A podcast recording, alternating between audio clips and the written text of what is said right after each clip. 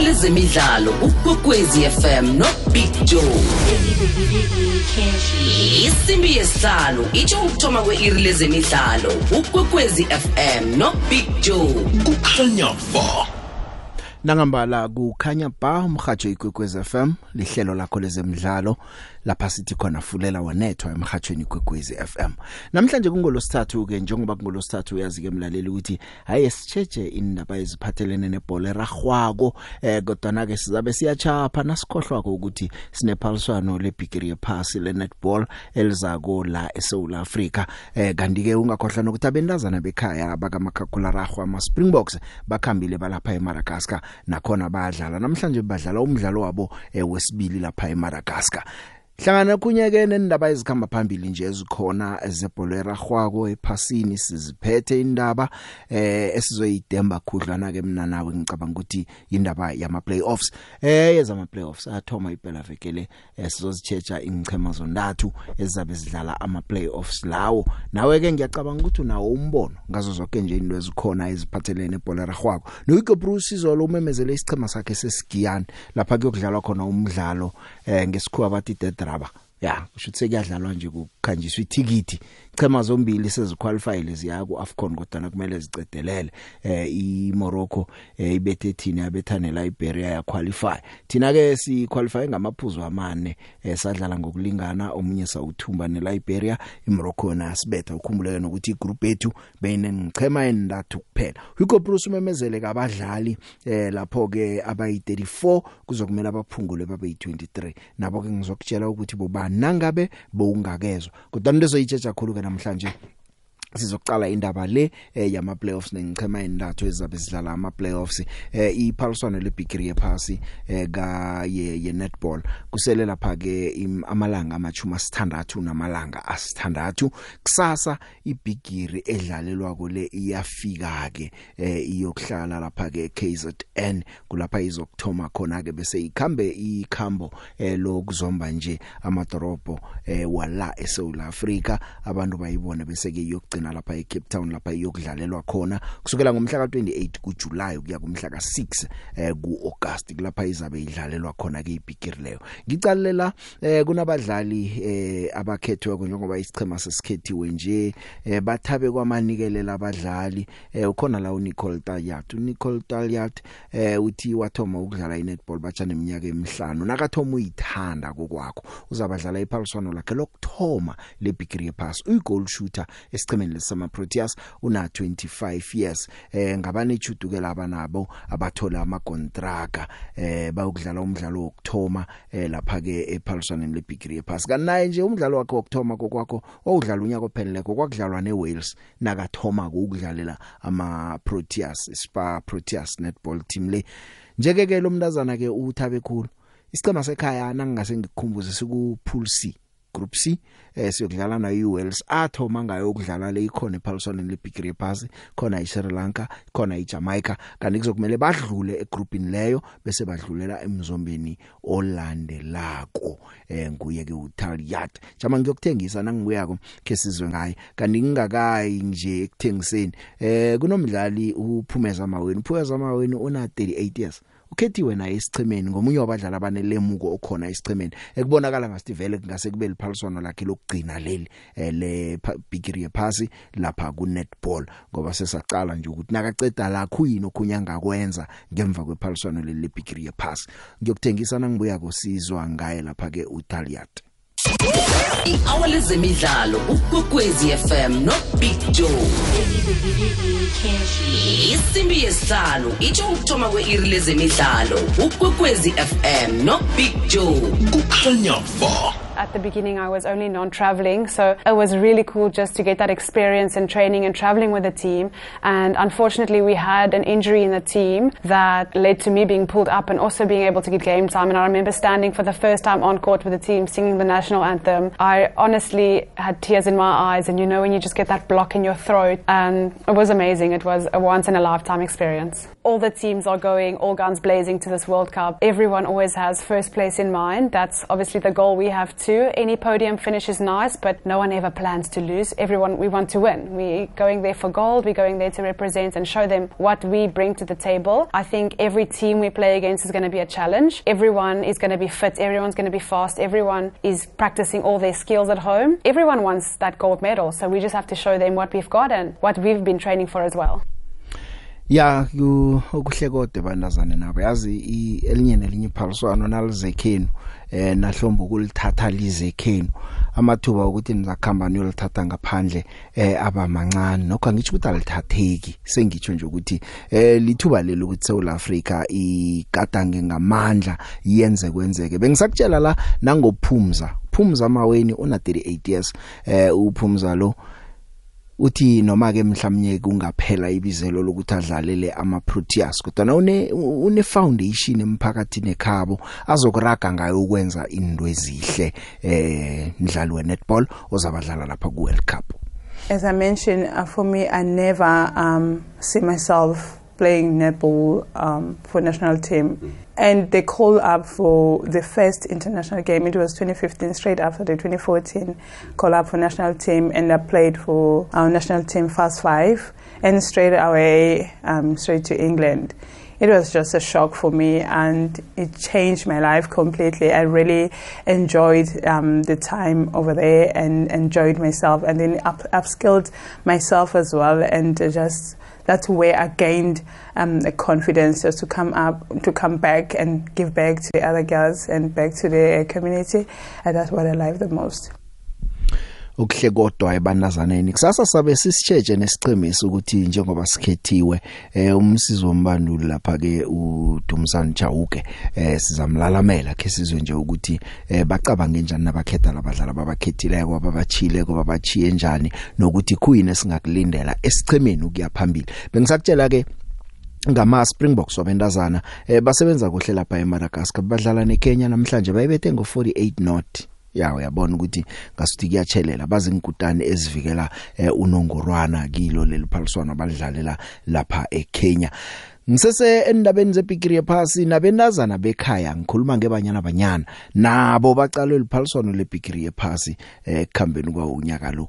Eh oyi footballer of the year CAF Women's Footballer of the Year nguThembi Khatlana uThembi Khatlana siyazi ukuthi walimala kabhlungu nje kulwa nokuthi alulame. Mhlawumnye ke nakuyokudlala lapha iPaulson leBigiri yePass namjana nakumenyezelwa isichema esikhambako kube naye sesapholile. Eh uthi ke yena ke kwakhe umlomo nangabe akakakulungela ukudlala angakhetha ukuthi kuthathwe umunye umdlali kukhanjwe naye kunokuthi athathwe angakabukulungela ukudlala. Ubuyile nje amalanga la simbonile esichemeni sakhe lapha ke iRacing Louisville eh adlala ngemva kokuthi ahlezi 9 months yonke angadlali nguThembi Khatlana players' dream to go to the World Cup, but also we we need to be aware that if I'm not ready, if the come time the, the time comes and I'm not ready, whether I'll contribute or not, someone else can give a hundred percent. If I'm not gonna give a hundred percent, I also don't want to put myself in a situation where I'm just going for the sake of going, you know, then I would prefer not to go to the World Cup, but to have someone else to go to the World Cup. Magama akho msukuhlakanipha ke la wakaThembi Khatlana umuntu angasathi ngoba kade ngikhona ngithathani sengiye eh nabamthatha kwaya kungcono asaye kwazi ukuthi akayokudlala. Angasathathi isikhala eh somdlali omunye ongadlala kube yena mhlawumnye akasebujameni obuhle bokuthi angadlala. Uyatsho ukuthi uzokulwa ukuthi asebenze ngamandla alunge kodwa nangakalungi akangathathwa nje ngoba kunguthembi khatlana akuthatha umunye umdlalo yokudlala ngibuya ke ngiza ngaphasi kwe DStv Premiership umusa Nyatama eh, usebenzile umso ivale kamnandi season ube coach of the month njengo May kanti ke player of the month kube lapha ke eh, ngukhanyisa mayo. Ukhanyisa mayo eh, na ucala ama top goal scorers so South Africa eh, uyi joint top goal scorer ubambisene lapha ke no no no no Peter Shalulile eh nga 12 goals. Eh uthole lapha ke u uthumbe lapha ke i player of the month yanje yaka May ukhanyisa Mayo. Eh siyamthokozisa ke uMayo ngapha utlikihle ne contract echachayo thatha bekufika bo 2028 sola lapha isicemeni sayo eh, i Cape Town City. Kodwa ke into engakutshela ukuthi eh, uhlakaniphile ucommittee ungezelela icontract le uyazi ukuthi nakunesicheme simfuna kona kane contract ede kangaka kuza kumele sikhiphe imali engangemali ama top goal scorers wethu ke isizini njengopheli nguye ukhanyisa mayo no Peter Shalulile nga12 balandela ngomuna Pule Saleng we Orlando Pirates ona 11 goals. Eh uranga Chivaviro weMarumo una 10 Bradley Grobler SuperSport ucede nga 10 eh uIgadoro weChipa ucede lapha ke nga 10 ngizase ngikubalele nje labo nangibala lapha kama top goal scorers. Kodwa ke indaba zona ke zihlala zikhona ke zizinengi eh uHugo Bruce umemezele isichema seSkiyana umemezele 34 yabadlali. Kumele aphungule babe yi23 eh kunabadlali abatsha esichemeni ngibona lapha uIkram Rainer sumbizile umdlali weTS Galaxy uGiven Msimango nangumbizile Kobamelo Kodisang umsodlala ngaphetshe odlala khlehle ukhona naye esichemeni unjabulo Blom phambilini kwaba nemrarwana hey kwathiwa uyagula kwathiwani kwathiwani ubuyile ke godu ukhona la esichemeni siza kutshela ke nase kasiphungulile i23 eyokudlala nasidlala neMorocco kodwa labadlali ababizileka abasomapala ubiza abane bonke nguRonon Williams nguveli Muthwa nguRicardo Gos eh nguMelusi Buthelezi. Nganemva abadlali bemva kuno Given Msimango uSydney Mobi eh uInnocent Mayela uNkosinathi Sibisi uTarik Felise eh uSiyanda Xulu uThapelo Mrena oPremudiba Grant Kekana Khuliso Mutawu eh noMthobi Mvala badlali bemva lapho ema midfielders kuno Thapelo Maseko uTebogo Mkwena ubathusi Obasu Njabulo Blom Grant Mageman eh uMiguel Team usiphelele Mkhulise Luke Leroom uNapule Saleng noThemba Zwane. Phambili uphethe uzakhele Lupasa uKisha Smayilula ngoba melogolisa ngikhanyiswa mayo mihlali mayambela bongokuhle hlongwane Pesitawu Pule Modi no Ikram Rainers sichema ke lesi esikhethwe eh, nguye lapha ke umbanduli uHugo Bruce akhamba naso lapha ke eh, kuma eh, kokwakho ke siyokudlala naso imidlalo yoqualify la eAfcon noma sesiqualifyile nje kodwa na ke kumele adlale ngabo ke labadlali umdlalo lo esiyodlala neMorocco. Nomraro ke ulungisiwe bekukhona ukudosana phakathi kwe-stadium management neSAFA babakolota 1.5 million rand eh babambe umhlangano izolo balungisa imraro baqalene nayo ngikhuluma nawe nje umdlalo. So uyokuraga udlale khona lapha eFNB Stadium ngomhla ka17 eh kuJune. Kodwa into ezisubhlungu ngemidlalo yebafana bafana Awa kubi nabantu. Eh kungabi nabantu ngabasola abantu abangayiko uyisole nayo isafa. Njengoba uzwa ngami ngikhuluma ngawo nje umdlalo loyo uzabuzwe ngamgodu ngelinye ilanga. Akunazinto akunama activations akuna next nje eh imkhangiso ezele inaga leyo ke nje echo ukuthi bafana bafana iyadlala ngelanga elinje kuphi nabo bani zizilwanyana esezithlayelako emidlalweni yebafana bafana. Eh asazi ke lo mdlalo ke nawucala nokuthi abantu sebaqualifyele nokuqualify kodwa kuba kuhle nokho isichema nasidlala ekhabo sisekelwe. Imizuzu nje imachuma amabili ngemva kwehour lesihlanu mhajo igwegwez FM dosela mahlelo wonke emoyeni. 086 3278 inomboro ithi 086 3278 enkathini zalokha umrhatsho usabanjwa ngokujika ikunube. Ukhambise ilithi liyokuhlala hlangana kuka-90.6 ukuya ku-107.7 ikwekwezi fm ibikhona.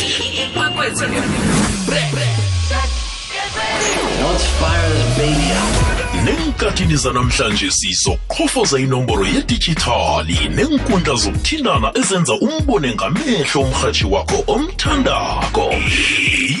Ikwekwecfm isesekhona 90.6 ukuya ku-107.7 fm umkhanyo ukhona kukhanya ba.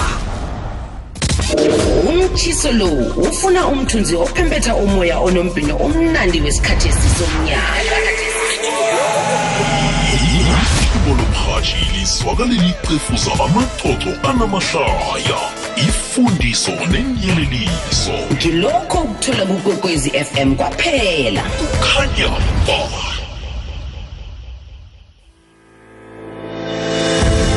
Imidlalo ongayilindela kukwekwezi FM inyanga le. Sizokurhatshela poro bunqopha ifinal ye-nedbank cup eloftus versfeld ngomhla ka-27 kumrhayili ngephimbo likastacy mgidi nomike ugamela kathombeni. Ungalibala kungo-6 o'clock ntambama yi-orlando pirates nesikhukhuni united eloftus versfeld epitori.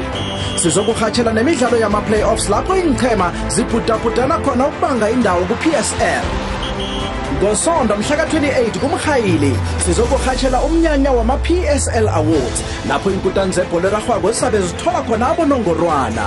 Umnyanya uthoma ngo-quarter to 8 ebusuku. Siwurhatsha poro imidlalo le uyilethelwa ngemfisela buhle i-sabc sport. Hashtag we love it here for the love of the game.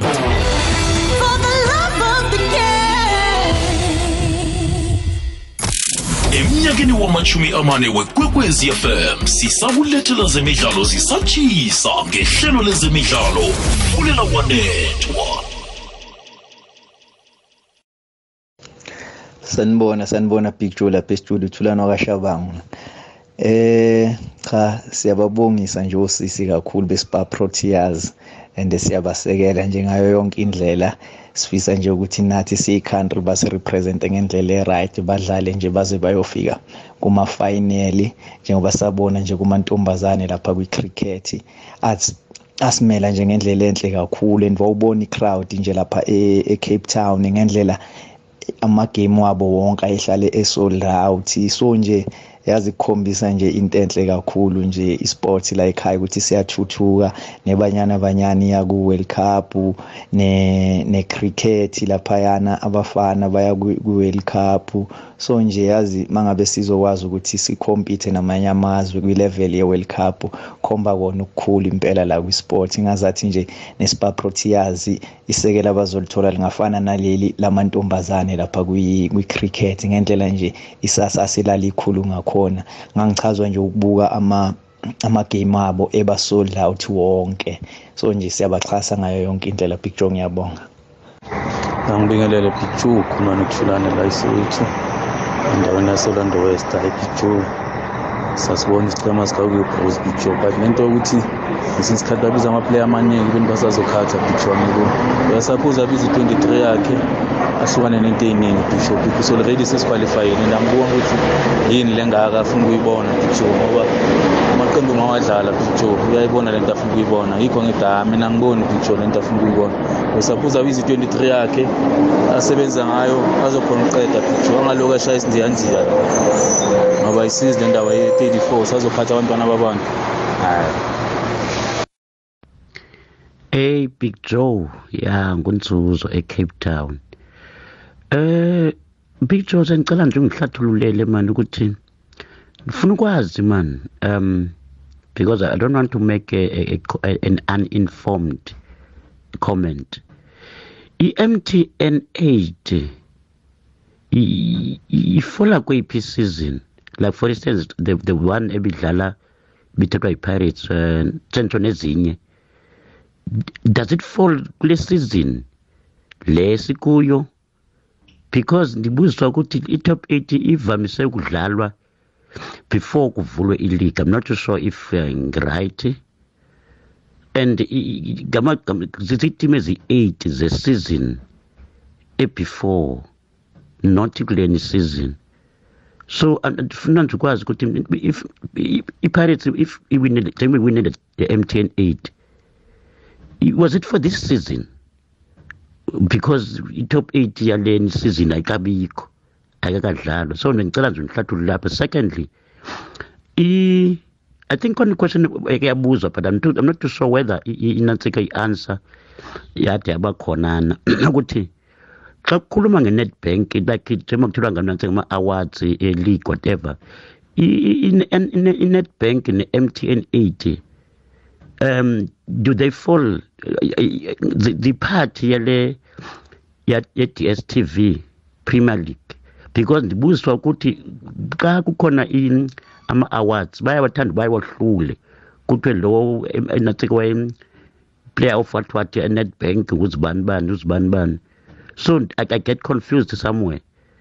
Um um uh, okwesibithathu hey ukubethwa kwe-sundowns kundiphethe kakubi even still yeah, ngiphethe kakubi kakhulu but up until i, real, I realize ukuthi masanda one asikakaphumi uh, kwi-champions league. The, the only difference is that we gonna have to start from scratch but we're still there. Um fourthly yo azininzi. Fourthly um urolani mukwena if if if angiphazami if angiphosise um since wa- wa- wa- wa- wa- wa- waqala uku- ukubandula ucoacher as a, a coacher now i can't remember him losing a, a league match i can't eh, ungakun- ungangandicorrectisha i can't ya hey imibuzo miningi kodwa ke eh, angithembe ukuthi mhlawumnye nabanye banayo imibuzo le umuntu asalinge nje ukuyiphendula kodwa na yidetle i voice note le nanje angayidlali yonke ngiyiphungulile ngibathe iyaphela iyaphela ngiyalalela.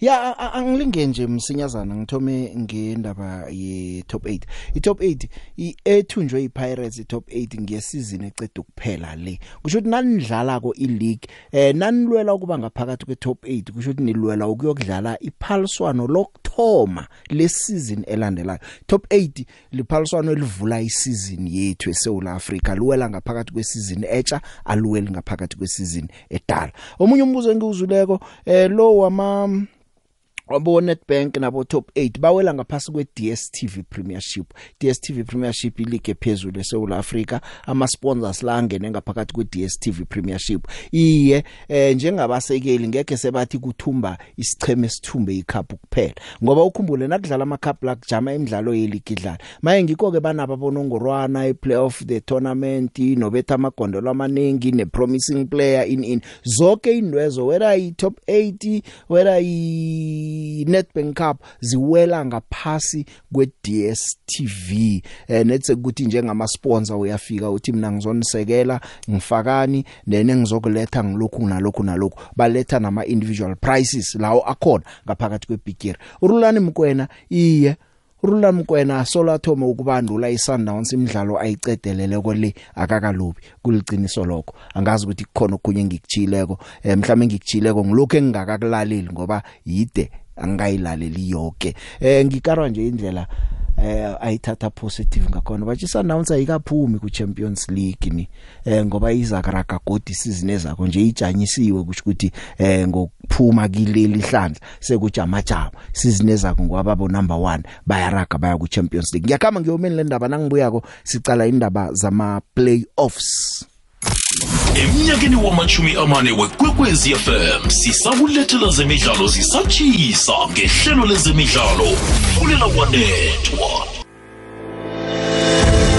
imidlalo ongayilindela kukwekwezi FM inyanga le sizokuhatshela porobunqopha ifinal ye-nedbank cup eloftus versfeld ngomhla ka-27 kumrhayili ngephimbo likastacy mgidi nomike ugamela kathombeni. Ungalibala kungo-6 o'clock ntambama yi-orlando pirates nesikhukhuni united eloftus versfeld epitori. Sizokuhatshela nemidlalo yama-playoffs lapho iinchema zibhudabhudana khona ukubanga indawo ku-psl ngosonto mhla ka-28 kumrhayili. Sizokurhatshela umnyanya wama-psl awards. Lapho iinkutani zebholo erarhwako zisabe zithola khona abonongorwana. Umnyanya uthoma ngo-quarter to 8 ebusuku. Siwurhatsha poro imidlalo le uyilethelwa ngemfisela buhle i-sabc sport. Hashtag we love it here for the love of the game.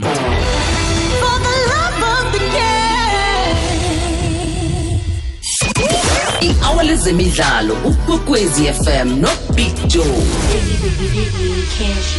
Isimbi yesihlanu itsho ukuthoma kwe-iri lezemidlalo ukwekwezi fm no big joe. Kukhanya ba. Emnyakeni wamachumi amane wekwekwezi fm sisakulethela zemidlalo zisatshisa ngehlelo lezemidlalo fulela kwanethwa Imzuzu ke imachuma amabili nemizuzu ebunane eh ngaphambi kwehour lesithandathu. Kubhlungwana ke khona nokho eh, ama voice notes angena abantu bathi hey asizwa ikwekwezi kezinye indawo babalabo mbalenhle eh kunenye indoda ithi matata thina sibabantu bamatraga nakuyisinyamalalele la sazi ukuthi senzeni. Ma voice note engwathola kolawo eh si siyabika nasenza nje eh sizokubika ukudlula lokhu godi ukuthi kekcheje ukuthi umraro ukuphi. Kuba bhlungu ke ukwazi ukuthi madoda usuphophotha kangaka kunabantu abakhana ukukulalela babhalwa ukulalela nathi siphatha kabhlungu mina ke hawa vele ngiphatha kabhlungu kwazi ukuthi kunabantu abafuna ukulalela abakhona ukulalela eh, ngaleso sikhathi thola ukuthi kuyinto nawe engaphezulu kwamandla akho. Kodwa ke abaphathi bazayigijimisa nesentech izayigijimisa sekubikelwa nje eh, ukuthi ke bakwazi ukuthi bararulule umraro lo asithemba ukuthi lizakuthi kuphela ihlelo abantu babe sebayitholile ikwekwezi bonke abangayitholiko ngalesi sikhathi. Okay naka ama playoffs ke Maritzburg United ne?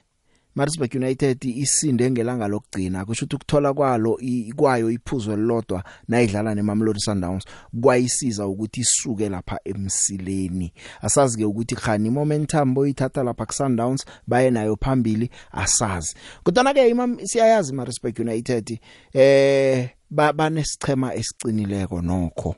Asazi ke ukuthi isicheme isicinileko esinasidlala nengichema eh, zeMutsipe Foundation siza kusebenza kuhle na?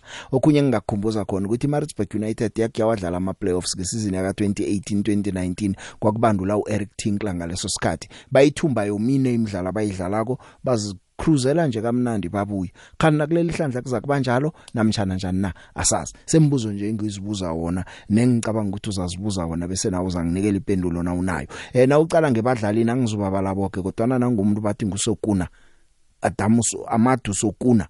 Eh umswa weFrance uyacobela hla amagondelo wathola idefense ilele angayenzela into eziphasi sizakubona ukuthi kuleli hlandla kuyobasebenzela njani. Sichema esisodwa sama playoffs sesibili isichema sokudlala ama playoffs iKaizer Stars Kaizer Stars nase sikhuluma iqiniso ke abasibaningi abantu abangavela namhlanje batsho bathina sasazi nakuthoma isizini ukuthi iKaizer Stars izabe kulobu bujamo ekibo nje izithola idlala ama playoffs ikhutha eh, ipromotion ikhuthela eduze.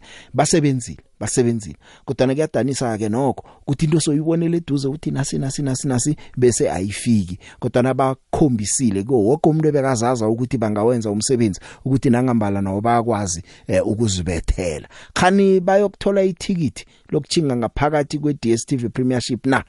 Ngama playoffs asazi. Baqede ebujameni besithathu iKaizer Stars eh na uchecha lapha ke ukuthi isizini nayiphela kobe bakuphi? Bacethe ebujameni besithathu eh bawine imidlalo eyi15 badrawe 11 baluze 4 abakaluze kodwa nama-draw la ngiyatshona nje ngiwa babuleleko ngibabuleleko bayathoma eh, nge-28 badlala ekhaya badlala ne-Cape Town Spurs umdlalo wabo wokuthoma. iKaizerik itlhayele ngephuzo elilodwa ichiye ipulukwane sithi ngephuzo elilodwa. Ngiyacabanga ukuthi nabo nabahleziko bayatsho bathi imidlalo emithathu esayidraw yako yokugcina leya ngiye yenza ukuthi silobe i-top spot. Kuba bathumba munye umdlalo ngabe sikhuluma enye indaba namhlanje kodwa na ke siyazi into nje emraro kibo indaba yama draw indaba yama draw eh isiceme esidraw ama games amaningi eh University of Pretoria kunabo idraw 13 bese ne All Stars idraw 12 bona ba draw 11 yabona ama draw manengikhulu we Kaizer Stars. Nabe bangachugulula nje idraw inye mbili en draw kila mdlalo abayidrawileko bawuthumbe ngabe sikhuluma enye indaba ke nje. Ekukhambeni nakhona badrawile badrawwe 8 yemidlalo ekukhambeni. 8 yemidlalo emidlalweni ey15 sengikubala nje ukuthi amadraw amaningi kangani sakubona ke ukuthi kuyokukhamba njani kuma playoffs balobe 4 yemidlalo isizini yonke kuyakutshela lokho ukuthi akusisichema esibetheka lula kusichema esicinileko allo ama playoffs bangawathumba na? Asazi siza kubona khona. Mhlawumnye ke ama draws lawo lapha bakumele ba draw khona baza kuthumba eh kubonakala ukuthi kwenzekani siza kubona khona. Eh bayasebenza bona basebenza ngamandla isichema lesase Kaizer Stars eh angazi abantu abanengi bacala bo Cape Town eh Spurs abanye baqale i Maritzburg United bama underdogs bama underdogs nasesikhuluma iqiniso eh abasematheni bama underdogs mhlambe lokho kungabasebenzela. Defense yabo iqinile hle bayakhandela emva. Sakubona khona ukuthi kuma playoffs kuza kusebenza kanjani. Eh ukhona lapha ukhumuzo Msadi ukhumuzo Msadi usebenzile ubethe 18 goals in all competitions eh for iKaizer season le eh, 12 eligini. Eh ukhona ukubona nje ukuthi nguye umuntu abathi nabathi igondelo lizakuvelaphi kube nguye. Ngoba na uqala abadlali abaathekako beKaizer Stars eh senguthabang rakwena kuphela onamagondelo adlulako eh ku3 kusho ukuthi nase uwa distribute amagoli apho eh ukhumutso msari ligini ubethe 12 urakwena ubethe 6 abanye ababetha abo 3 nangaphasi kwe3 kuyasho ukuthi amagondelo aqale kuthabo msadi khani thabo msadi uza kuvela ngama playoffs uphakamise isandla uthathe isichema usithwale angazi. Cape Town Spurs Cape Town Spurs idane ukudana. Bayiluzile automatic promotion. Eh bayiluza nabo ngelanga lokugcina. Njeke kumele basebenzeke nabo. Baqede ebujameni besibili eh umdlali ke lapho uqale uAshley Cupido ubethe 15 goals. Cape Town Spurs be isicundu sesibili seleague yeMutsipe Foundation bekungibo ngathi eh baphethe driver lo ba driver ke labachayela kodwa lo mdlalo wokugcina eh wabenzela phasi laba draw khona ke eh 1-1 kwaba ukuthi nge goal difference Polokwane City yabasusa lapho ke kodwa ke badlala kuhle khulu ke nabadlala ekhaya. Kunalokho abasekukhambeni. So ngama playoffs eh kuthi ukuthi nawufuna ubabethe ubabethe nabeze kuwe ungathi uzabathola abasekhabo bazokurara. Isitshilo esikhulu ke sekuthi ke mhlawumnye ke eh, ba ngokomkhumbulo eh sebacolile na ngendlela ababhalelwe ukuthola ngayo promotion nabalungise isite lomkhumbulo mhlawumnye ke bazakwazi ukuthi badlale kuhle ke e- e- enyaweni. Asazi bebama front runners kuqala ukuthi mhlawumnye ngibo bazakupromotwa kubhalile. Eh abadlali banabo abane experience bona ye PSL abo Clayton Daniels abo Nazir Ali abo Grant Valscolt abo Michael Morton wakhona ukubona nokho basichema esinelemuko sazi ukuthi lemuko lo lizabasebenzisana bakhona ke nabadlali abasesebatsha abo Ashley Cupido labo nabo Radio Opane eh njalo njalo eh na ungaziko ke ngikutshela Cape Town Spurs ya relegatewa nakuphela isizini ya 2017 2018 kodwa ngaleso sikhathi bebaziwa njenge Ajax Cape Town. Ama playoffs bakhe bawadlala ngesizini yaka 2019 2020 kodwa nakwa promoter iBlack Leopards ngalowo nyaka loyo eh kwathi ukuthi kubhalile. Sazi ke ukuthi kileli hlandla bazokwenza njani babandula lapha ke nguye eh umsuka uSean Bartlett. Angizwe ngawe ke nje ukuthi mhlambe wena eh na uwabona ngama playoffs la eh uwabona ngasithi asiphatheleni ubona ngathi yini into esingayilindela kuma playoffs ngisiphi isichema? Baboda bathi hayi Maritzburg United iyazibuyela nje akunamraro. Baboda bathi eh eh Kaizer Stars ingarara abantu. Babe bodwa bathi i i Cape Town Spurs na ingabetha iKaizer Stars iza kubuya. Angazi ukuthi wena lapha ukhona eh ubona ngasuthi into za ama playoffs la azakukhamba njani. Imidlalo ezokubabdisa ama playoffs wasemnandi ngiyazi ukuthi sonke nje sihle sikhuluma abantu bahle bathi ama playoffs la thana wasekho man thana wasekho. Iye sonke sitsho njalo kodwa nana kakhona into yokuthi thana wasekho yona sayikhuluma khulu nawathomako ngoba asithusa. Sahle sikhuluma ngawo sahle sikhuluma ngawo sahle sikhuluma ngawo kodwa nekugcineni nakakhona asesiwacale sicale ukuthi ngoba nakakhona asesidile ngawo sakukhuluma enye indaba mhlana kuthiwa wasekho. Emnyakeni wamachumi amane wekwekwezi fm sisakulethela zemidlalo zisatshisa ngehlelo lezemidlalo fulela wanethwa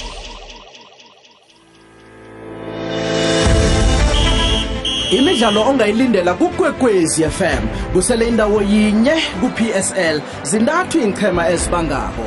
Ngosonto mhla ka-28 kumeyi kuputaputana i-kaizer stars ne-cape town spurs esolomon mahlango stadium kwamhlanga kwandebele. Ngomhla ka-31 kumeyi imarisburg ibambana ne-kaizer stars eherigwala stadium kwazulu natal ngomhla ka-3 kumgwengweni i-cape town spurs ibambana ne-kaizer stars epero park. Kuzokutshisa phasi mhla ka-7 kumgwengweni i-kaizer stars nayibambana ne-marisburg united esolomon mahlango stadium kwamhlanga. Ngomhla ka-10 mdlalo wokugcina eherigwala stadium. Imarisburg united ibambana nesiqhema se-cape town spurs. Imidlalo le uyilethelwa ngokuzikhakhazisa yi-sabc sport. Hashtag we love it here. Uzoyizwa bunqopha for the love of the game, of the game.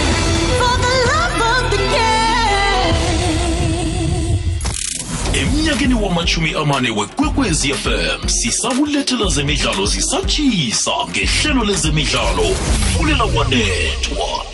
Nakambala fulela wanetho yabona enye into esimasewula Afrika ekumele siyithokoze umuntu simbethele izandla sesekhona singayo ukuthi hey ngathana. Upitso msimani ah upitso msimani isikhokho batsho njalo abantu bathi umuntu isikhokho eh upitso ngiso upitso uyithumbile iligi iligi yakhe yokthoma ayithumbako ngaphandle eh kweAfrika. Ya ngaphandle kweAfrika esimbonile kuAlahli simbonile ekhaya kubo SuperSport kubo Sunhouse nje uphumile eAfrika. Uthumbe ileague uyithumbile lapha eSaudi Arabia. Isicema sakhe seAl Ali Saudi sithumbe ileague eh ye second division yakhona iyellow league leyo. Eh buyithumbe lapha ke ngo 1 not babethe isicema seAl Qadsia eh izolo ebusuku. Lokhu ke kutsho khona ukuthi awa bacedile ngoba isicheme sebujameni besibili eh angeze sisakwazi ukubabamba eh ngamaphuzu. Ngikhuluma la ngesichema sika Pitso Msimane sina 71 eh points. 71 points bokudlala umdlalo wodwa wokugcina kanti Al Hazim esebujameni besibili ina 67 noma ingawuthumba yokuphelela ku 70 uPitso Msimane ipromotion yona wayithola ngoba ngathi ba promoter 4 la abadlali then bese kusele nje ukuthi athumbe ileague nango uyithumbile mzenda weSouth Africa uyijamile kuhle ngaphandle uPitso. Eh mhlawumnye lokho akwenza ukuzabavulela nabanye eh, ababanduli South Africa amathuba ukuthi mhlawumnye banganga phetshe eh kezinye inaga eh, asazi ngoba nangu usebenza kuhle. Nethi indaba ke sesizwa konke ngeza ukuthi ngathi abaphathi besichema bathi yong project abafuna uyithoma ke nje ikulu Pitsolo abamthembi ngayo. Ngathi sekunendatshana zokuthi eh, bafuna omunye umbanduli esichemenesa asazi sizakhela umkhanyo nayo eh, sibone ngokukhamba kwamalanga ukuthi nangambala iyafakazeleka nangambala uyakhamba na. Kodwa naye nanakachoke enkundleni zokuthindana uthi project yami yokthoma ngicedile sengilinde inext project. Angazi ukuthi inext project uyilinde kulesi sichema namtjana utsho umsebenzi kenye indawo na. Big Joe yeche nangusokwekwezi Big Joe ufihla kuloya. Big Joe cala msi ike iMaritzburg leya yozibuyela kamnandi kamnandi kamnandi kamnandi. Ngendlela idlala ngakho Big Joe hawa badlalela ukufa nokuphila wahalaba akunyazi abo abo Kaizer Stars abo Cape Town Spurs. Mara ke Maritzburg yabo ya Big Joe? Danko. Akwande akwande Big Joe.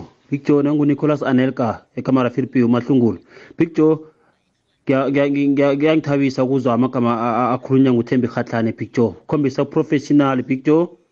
Uthanda khombisa nokuthanda umdlalo Joe. Ngiyathaba ukuzwa amagama njaya kuThembi Khatlane Big Joe nami ngimuntu Big Joe engithanda ukuphakamisela isandla umusa nyathama Big Joe wangathi angarapela ngomsebenzi yakho muhle nakuthoma isizini Big Joe bamthengela abadlali Big Joe ngiyayithanda iswayilosi Big Joe eh Big Joe ngiyathokoza. Big Joe nguNicholas umahlungulu Big Joe ekamara Philippine angibingelela Big Joe ohlelweni lakho lomlando kakhulu kufulela welethu eh. Cha Big Joe ngisacela ukuthi ngiqale ngokubongela iPirate ngokwena iQ4 innovation.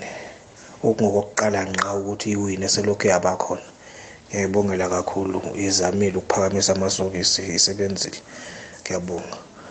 Bese ngathi Big Joe yazi ngithanda ukuphoxeka kakhulu ngendaba yesafa ngoba ukuthi wayisafa njalo imidlalo yebafana bafana idlalisa la eFNB noma nje egoli ngoba phela bayazi ukuthi abantu basegoli abayi stadium ngaphandle makudlala iChiefs nePirate kuphela. Angazi ukuthi yazi siyaphoxeka ngendaba yesafa. Angazi ukuthi baye bethi umuntu ufunde emaphutheni akhe kodwa isafa lokho hayi ngathi ayikwenzi lokho. Yasiyaphoxeka igame ephelile mazidlala ndi bafana bafana mayidlala FNB ama-supporters ayi-1500 estadium FNB bayaphinda futhi namanje babuyisela umdlalo khona hayi yabona ngeke siye ndawo ngale safa lena asiyindawo ngiyabonga. Kwekwezi kwekwezi kwekwezi kwekwezi le kae mo ke thoko ka springs big joe a tšhena ke bona ka ka gae magisburg ke yona e tla kgona go iphumelele cape town cape town spurs le le casrick stars. A di khutlele back to drawing board lokisa ntho tsa tsona hantle. Wa bona e le casrick. A casrick e tshwanetse go iplaymaker be yona self. Tshwanetse iplaymaker be yona self e tshwanetse be e fumane promotion ntatolo a coachang casrick hayi mosebetsi wa ehlile ha o shapo hantle a ka ka fe ba bangwe ba ke ba- mmontsha gona mmereko o berekiwa jwang tankeng tate ke thoko ka springs Eh sawubona picture. Eh uMike la ka picture uma respect yona. Iyahamba. Iyahamba straight picture. Ingeke ziwawine lama promotion playoffs. I-Cape Town Spurs picture. Izawawina ama promotion. Izoqala kuyathena le Maritzburg. Ibekele eceleni. Mhlawumbe idlala ama draw e1 eKaiserslautern Stars. So izawuwina i-cape town space the way ngiyibona idlala ngakhona the way ba-positive ngakhona it's just nje ngathi uyazi ebholeni that's why bathi football is a game of surprise. Leyo game yokugcina nje iyabanzela into eziphansi bashelela ngaleso game picture. So i think it's a wake up call kubo. So bathole i-second chance. So bazawina ama-promotion playoffs ngalabadlali abanawo picture. Isawina i-cape town space marisburg ayihambe picture. Ake sihambe lezi pictures njalo every season zibalekela ukusurvive i-relegation. Kokuze abanye abantu banama-idea amasha pictures bothi basiphatheleni yabona? Ah eh Big Joe enhle dimense sekubafisela inhlanhla like iKaizer Stars ngoba noma singasethi scheme thina la kaningi avene singadlaliswa leso scheme sethu. So ayibereki ukuzopredict nokuthi ubani uzakwenzani. Sekuyifisela inhlanhla iKaizer Stars ukuthi ize nayo eklabha ngekhethu ukuthi ingene ku top flight. Ngiyathokoza ngoaphane emachirini lo Chede Big umfundisi Isaac Tibane Kwagga. Ah mina Big Joe yabona endabeni nama playoffs Big Joe? Ngiyavuma iMaritzburg ikwazile ukubamba iSundowns idraw. Yakwazi ukuthi isinde ezembeni.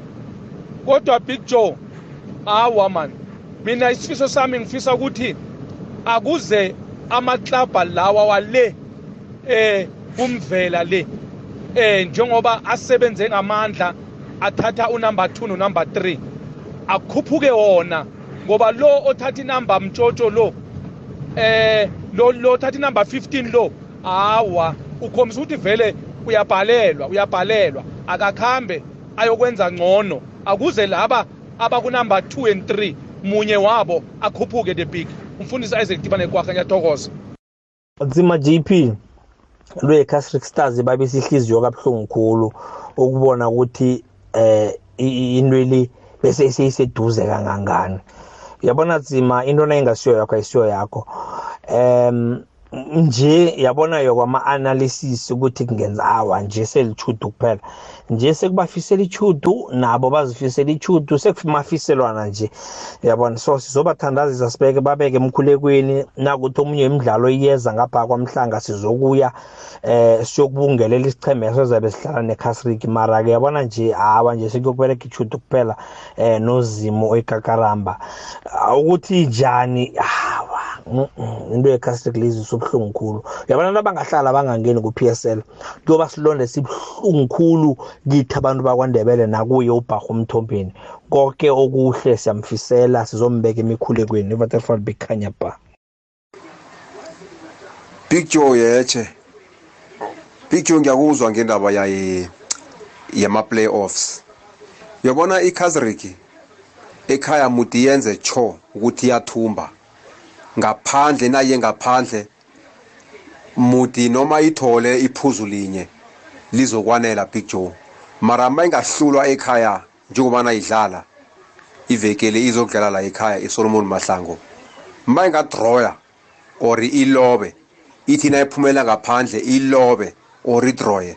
Kuzokubhala ngekhazriki into emele bayenze yinye kuphela ukuthi nabadlala umdlalo wekhaya bawuthumbe ngekani nabaya ngaphandle noma bangathola iphuzu linye lizokwanela eh Big Joe. Mina nginethemba phezulu kweKazrik Big Joe nginethemba kakhulu phezulu kweKazrik ngoba ngiyayazi iyadlala i-strong. Big Joe esifona idlala ekhaya khowacho esifona idlala ekhaya Big Joe inamandla kakhulu iyo i- i- inokuthumba eh Big Joe. Ngincancabeze ngomorosa isikhathi ngumgozolo eVaterfall the big. Ya hayi la kuma playoffs isichema seCastrick ngibona sidlala ekhaya emini kwamhlanga. eMaritzburg sokudlala ebusuku engikubona ke nakho nengikubona ngakuzaba budisi mntwana inkosi ukuthi isicema secasric kufanele senze ukuthi lana ngabe siyathumba sisawula amagondelo amanengana ngani? Ngoba kuyoba budisa ebusuku emaritzburg. Imaritzburg ijayele ukudlala ekhaba ebusuku ene? Ibala labo balithela amanzi libe yiklabhuklabhu namkha ipatlapatla phasi balijayele bayalazi manje. Ikhasrik kufanele yenze ukuthi yona isawula amagondelo ngobunengana and idlale ngokuzithemba ngozondarha ikhasrik ingayi nokuthi bona kade bala ibasawule mhlawumbe amagondelo abe mane kwelizeni. Bayazi ukuthi-ke natshingwa le izabe ikhamba phambili iza kudlala ngendlela ethetsha noma ingadlala ngokulingana le akunamraro. Ngujabu mahlangu. Ya mibono ngokuhlukahlukana eh indaba yama playoffs eh yasiyazi ke round robin kuba ileague kuthathwa amaphuzu lapho. Eh namhlanje iyadlala ke iManchester City eh uPep Guardiola eh uthi ke man ufuna nendaba yabo eh yemlando elikhulu le batsho ngathi ngaphela msinya. Khumbula ukuthi kunomlando wama financial irregularity irregularities eh ophethe lapha ke isichema sayo eh iManchester City. Ngathi kunalapha bangakasebenzisi khona imali ngokuya ngokomthetho. Eh nje sibaboneke bathumbe ileague eh basaqalwe iFA Cup basaqalwe lapha iUEFA Champions League. Manje uthi akulunge konke kudlule ukuthi indaba yamlando lebatsho ingazokugandelela ithabo labo eh lokuthi bathumbile. Une contract okufikela ngo2025 esicemeni lesi Manchester City. Kanti uyathi ukuthi akafuna ukuhamba ufuna ukuhlala. Ngoba bese kunenkulumo zokuthi nangathumba eh, itreble le eh, uyakhamba. Batsho yena ufuna ukuhlala. Akusiko ukuthoma ke bazithola basemrarweni ngendaba zemali uzokhumula bakhe bahlawuliswa ngo2014 eh i60 million euros ngokuthi baphule umthetho weFIFA eh, financial fair play. Babhenwa for 2 years ukuthi bangadlali amaphaliswano weUEFA ngoFebruary 2020 eh kodwa ke bathatha indaba le bayisa ku Court of Arbitration for Sport. Yaphekhulwa ke kwathiwa abarakele phambili eh ba ba ba, ba eh badlale eh bafinal lapha i10 million euros ngokuthi batsho eh bebaliya amaphenyo endabeni le. Asazi ukuthi lokho kubabe kaphi namhlanje eh bayadlala ke badlala lapha ke eh nesichema la badlala nasiphi isichema kokwakho eh badlala lapha ke nesichema. Eh utena kakhuluma ngaso uPep Guardiola eh wathi wathi isichema esicinileko hle wabuka nombanduli badlala neBrighton. Ubuke lapha ke uRoberto Zebi eh wathi usebenzile ngalesichema seBrighton. Badlala naso kodwa badlala sebathumbile eh baqedile. Asimuzwe ke nakakhulumako ukuthi eh uyahlala akayindawo kulesi sichema I will stay next season when uh, 100 breaches for the Premier League against us. Don't worry, we, we will be we will be there. Right now, I'm not thinking leaving, but who knows? But I'm not thinking. Uh, I will I would like to, to continue next season here, uh, independent of the of the results. I would like it, but I don't know what's going to feel winning or losing. The two chances we have uh, ahead of us. My feeling, I have a still contract, and almost when I sign, I want to respect the club. So. emnyakeni wamachumi amane wekwekwezi fm sisakulethela zemidlalo zisatshisa ngehlelo lezemidlalo fulela wanethwa i-hour lezemidlalo ukwekwezi fm nobig joe. Isimbi yesihlanu itsho ukuthoma kwe-iri lezemidlalo ukwekwezi fm nobig joe. Kukhanya ba. Ako go dumediše dipeke o dumiša ke lela ke mkalapa mo sephako um tsema ke se bone squad sa netball proteas um ke mo lebogiša mohlahle o kgethile strong, strong team. Um ke lebogiše le our own lady for fulelo wa nethwa. Kganyisiwa chiwana dipeke gore le ena o gona mo squateng um ke kgatlhile ke ka mokgo se se ya molokwane na se bitse ka gona dipeke a ba profila ka gona. Ke kolang kgatlha ka kuno. A re tla mo di-playoffseng dipeke e tlo ba boima di-playoffs dipeke a o ka lebelela. Um cape town spets e bapadile gabotse dipeke ke meng tša bona um castrica ya bapala gabotse. Marisburg le yona a ya fetša gabotse. So e tlo ba boima dipeke nna nne ka wiša gore castric e bo mara ka mokgwa e bapaleng di-last three game tša bona dipeke a zange nkgatlha ke lebeletse cape town spets ka mokgwa e bapaleng ka gona ke bona e le yona e mšang seatla go feta castric gore ka boa e ka tla go dstv thank the big Cape Town Spurs, yes, ngiyavuma kafulela wane akwande big joe.